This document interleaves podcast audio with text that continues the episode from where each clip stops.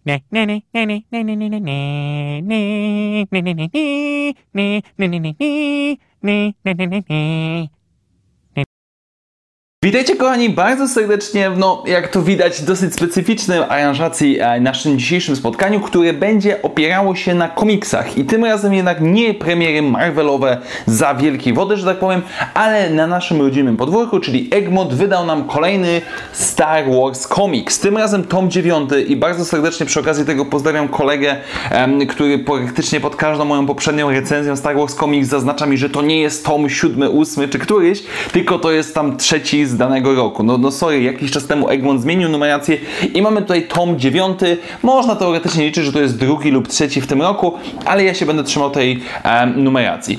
I dzisiejszy zeszyt jest wyjątkowy, ponieważ nie jest to mm, żaden sposób jeden ark historyczny z jakiejś serii komiksowej, czy to Star Wars, Darth Vader, Podameron, Dr. Afra, tylko zbiór pojedynczych komiksów, ponieważ dzisiaj dostajemy cztery niezależne od siebie komiksy, które prawie wszystkie są annualami, ponieważ dostajemy drugi annual z serii Darth Vader, drugi również, jeżeli się nie mylę, od Podamerona, e, czwarty od serii Star Wars i jedynym wyjątkiem w tej dzisiejszej, mm, w dzisiejszym wydaniu jest K2SO, Cassian Andor and K2SO, czyli historia jednozeszytowa tego, jak nasi bohaterowie z Water 1 się poznali. Tak więc przejdźmy dzisiaj kawałek po kawałku, zeszyt, może nie zeszyt, historia po historii, jak to właściwie wygląda. I zacznijmy oczywiście od pierwszych przygód, jakie dostajemy, czyli Darth Vader Annual II, historia Dartha Vadera napisana przez Chucka Wendinga. I, I sam tytuł już ten, sam opis ten powinien Wam wystarczyć w zupełności, żebyście wiedzieli, czego się spodziewać. Ponieważ no niestety Chuck Wending um, nie jest dobrym pisarzem, jeżeli tak jak widzimy po serii Koniec i Początek, po jego trylogii,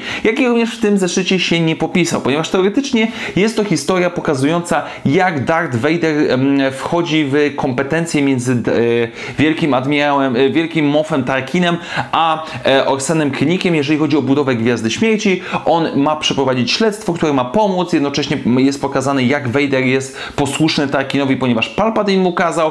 E, I cała historia e, jest dodatkiem, można by powiedzieć, że teoretycznie jest dodatkiem do historii z Water 1, do katalizatora, do książki Katalizator, gdyby nie mały fakt tego, że ona jest sprzeczna z tym, co widzimy w książce. Sam annual wyszedł po premierze książki, a mimo tego mamy mocne niespójności fabularne, między innymi na samym końcu, kiedy żona em, Gailena Erson w jaki sposób ona się dowiaduje o tym, że są zagrożeni, że powinni uciekać z Coruscant, to jest zupełnie inaczej niż w samej książce, jak i również z tego, co pamiętam, jest kilka innych sprzeczności w samym komiksie.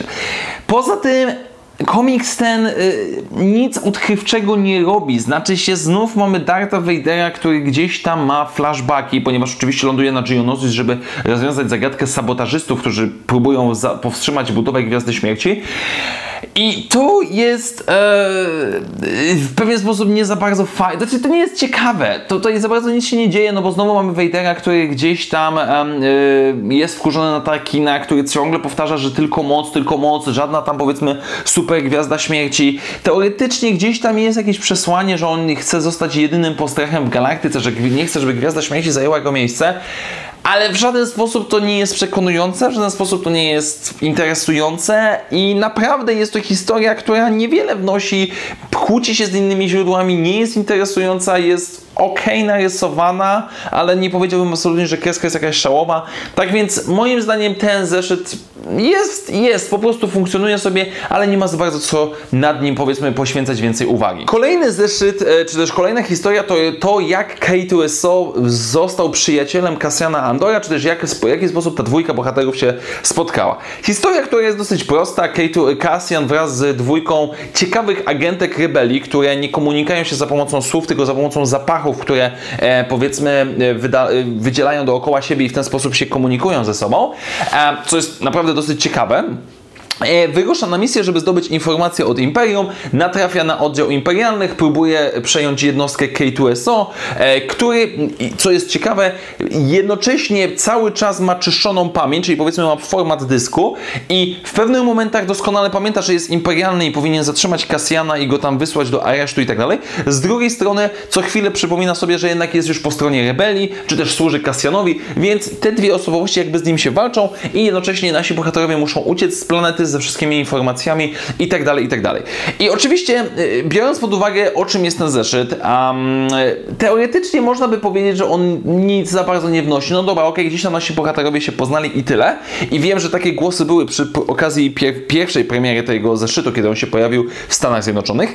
Um, ale moim zdaniem, znaczy i oczywiście też można popatrzeć na to, że ten zeszyt prawdopodobnie zostanie zniwelowany kanonicznie, jeżeli w serialu o Kasjanie e, będziemy mieli epizod tego, jak on poznaje K2SO. Tutaj oczywiście jest nie wiadomo, tutaj będziemy musieli się przekonać, jak to będzie wyglądało.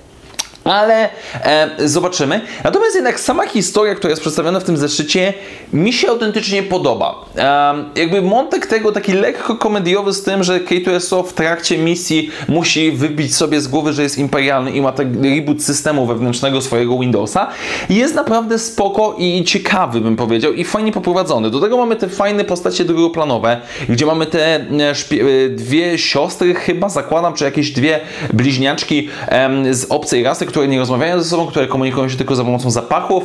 Jest to naprawdę y, fajna rzecz I, I, moim zdaniem ja bym się absolutnie nie obraził, gdyby ten zeszyt został, jeżeli już mamy mieć pokazany origin, jak K2SO i Cassian się poznali razem, to to mogłoby się pojawić w serialu. To jest naprawdę materiał na fajny odcinek e, serialowy. Oczywiście trochę bardziej rozbudowany, trochę bardziej lepiej zaprezentowany i tak dalej, ale to naprawdę się zgrywa i, i jeżeli to trafiłoby w zmienionej chociaż trochę wersji, ale podobnej, przynajmniej ten wątek główny, że K2SO ma, e, przywraca sobie Windowsa i jednocześnie cały czas pamięta, że jest imperialny i próbuje co chwilę zaatakować Kasjana, to mogłoby naprawdę fajnie wyglądać na małym ekranie. Więc jak dla mnie zeszyt jest całkiem przyjemny, całkiem spoko. Absolutnie nie mam tutaj za nic do niego do, do, do, zarzucenia. Jest fajnym uzupełniaczem tego, co już znamy o tych dwóch bohaterach i jak dla mnie jak najbardziej spoko historia. Trzecia natomiast jednak historia nie jest już aż taka fajna, ponieważ mamy do czynienia z czwartym aniołem do Star Wars i mówiąc krótko, jest to historia, która nic za bardzo nie wnosi poza jednym wielkim gagiem, czy też nawiązaniem do innych filmów, e, ponieważ mamy tutaj trzy wątki. Mamy Dartha Vadera, Luka Skywalkera oraz Sana Solo, którzy zostają połączeni przez to, że Sana Solo spróbuje opchnąć e, na dwie strony dwa miecze świetne, starożytne miecze świetne Sithów, które są tak napakowane e, ciemną stroną mocy, że jak ktoś je bierze do ręki, no to od razu dostaje szału i próbuje wszystkich pozabijać i tak dalej, poddaje się ciemnej stronie mocy. I jeden egzemplarz sprzedaje jakiemuś kolekcjonerowi broni, z drugiej strony e, sprzedaje imperialny, próbując zarobić oczywiście jak najwięcej. I w międzyczasie gdzieś tam Luke się kręci, który e, próbuje na tej samej planecie zdobyć środki finansowe dla e, rebelii. No i oczywiście oni wszyscy gdzieś tam po drodze mniej więcej się spotykają. I sam komiks absolutnie nic nie wnosi, nie ma w sobie nic rewelacyjnego, nie ma w sobie nic interesującego, ciekawego. No może poza, jeżeli ktoś śledzi powiedzmy starożytne artefakty Sithów, no to dobra, to tutaj macie swój kawałek, moi drodzy. Ale poza dwiema rzeczami tutaj nie ma nic fajnego. Pierwsza rzecz to scena, gdzie Darth Vader, mamy, mamy powiedzmy kadr, gdzie jest alejka między widzami, którzy powiedzmy oglądają wyścigi. Darth Vader staje na szczycie tej kolejki, my widzimy kamerę jakby za jego hełmu, widzimy jak wszyscy się na niego nagle patrzą i w drugim kadrze, gdzie wszyscy, jak on zaczyna iść w dół, wszyscy momentalnie uciekają. I to jest fajna zagrywka, to mi się naprawdę podoba. Jak i również mamy tutaj dowcip, um, znaczy dowcip, nawiązanie, w którym to Luke Skywalker, żeby uciekać przed Imperium, wskakuje do jednego z e, speederów, czy też ścigaczy, które znamy z Mrocznego Widma, żeby wbić się na tor i próbować uciec przed Imperium.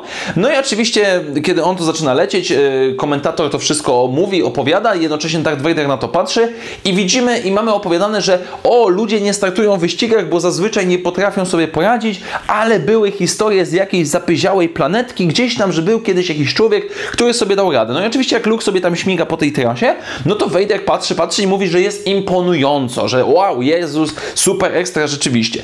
Zakładam, że to jest historia jeszcze przed em, epizodem, po epizodzie czwartym, ale przed epizodem piątym, że on nie wie, że to jest jego syn i tak dalej. Ale to jest jedyna ciekawa rzecz w tym komiksie. Jakby to jest chyba najlepiej narysowany komiks, bym powiedział, ze wszystkich w tym, w tym, w tym wydaniu zbiorczym dzisiejszym, które omawiamy. Ale fabularnie to tutaj jakby nie ma nic szałowego. No jest trochę o ciemnej stronie mocy, jest trochę Sana Saros, ale poza tym naprawdę, no, no no okej, okay, taki zapychacz, który nic nie wnosi, nic za bardzo nie rozbudowuje i nic specjalnego się nie dzieje, więc no nie to, że to jest najgorszy komiks, ale chyba najmniej wnoszący do uniwersum z całej tej tutaj czwórki, jaką dzisiaj omawiamy. Okej, okay, i na sam koniec zostaje nam przeskok troszeczkę fabularny, ponieważ przeskakujemy do okresu sequeli, mianowicie kolejne przygody po Damerona e, w ramach ruchu oporu. I, I zacznijmy oczywiście od rzeczy, która została najszybciej zauważona, e, czy to przez rebeliancję szumowiny, czy też przez inne serwisy informacyjne w naszym kraju. Tak, ten komiks jest absurdalnie narysowany. Podameron nie wygląda jak Podameron, Leia w ogóle nie wygląda jak Leia. Wszyscy wyglądają jakby mieli ziemniaki zamiast głów. No cóż, tak się stało, ok. Mają, ten zeszyt przynajmniej ma bardzo ładne kolorki, jeżeli chodzi o niektóre statki. I kwestia jest, um, oczywiście standardowo ruch oporu jest w tarapatach i potrzebuje pieniędzy. E, co akurat wątek tego, że ruch oporu potrzebuje pieniędzy za opatrzenia zawsze mi się podobał. Jakoś i szkoda, że nie był jakoś jeszcze bardziej rozbudowany, ale nieważne. Chodzi kwestia o to, że e, ruch oporu ma przejąć cenny ładunek, który ma zostać rzekomo sprzedany przez jednego z kolekcjonerów First Orderowi za oczywiście gigantyczne pieniądze. E, tym First Orderem okazuje się być Han Solo i Chewbacca, którzy podszywają się pod First Order po to, żeby zdobyć pieniądze na swoje długi i generalnie wszystko oczywiście wielki rozpiernicz, jednak wszystko się sprowadza w pewien sposób do emocji, ponieważ akcja tego komiksu dzieje się przed epizodem siódmym, no bo Han Solo jeszcze żyje.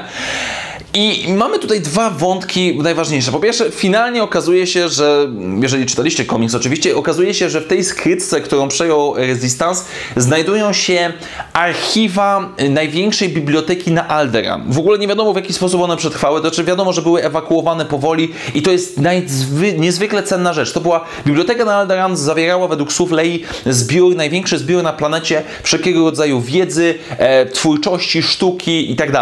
No i tutaj mamy kawałek tego archiwum, który jest gigantyczną ilość pieniędzy warty na rynku wtórnym dla kolekcjonerów i Leia chce to sprzedać po to, żeby dofinansować Resistance. A, I sam fakt tego, że księżniczka Leia jest gotowa sprzedać swoje dziedzictwo kulturowe, jedną z niewielu pamiątek, jakie zostały po jej rodzinnym domu, jakby buduje to poczucie, że rzeczywiście Leia jest oddana. Może już nie jest tą samą kobietą, która była w przeszłości, ale która nadal chce zrobić wszystko um, po to, żeby w pewien sposób rozwinąć ten rezystans i powstrzymać złych kolesi.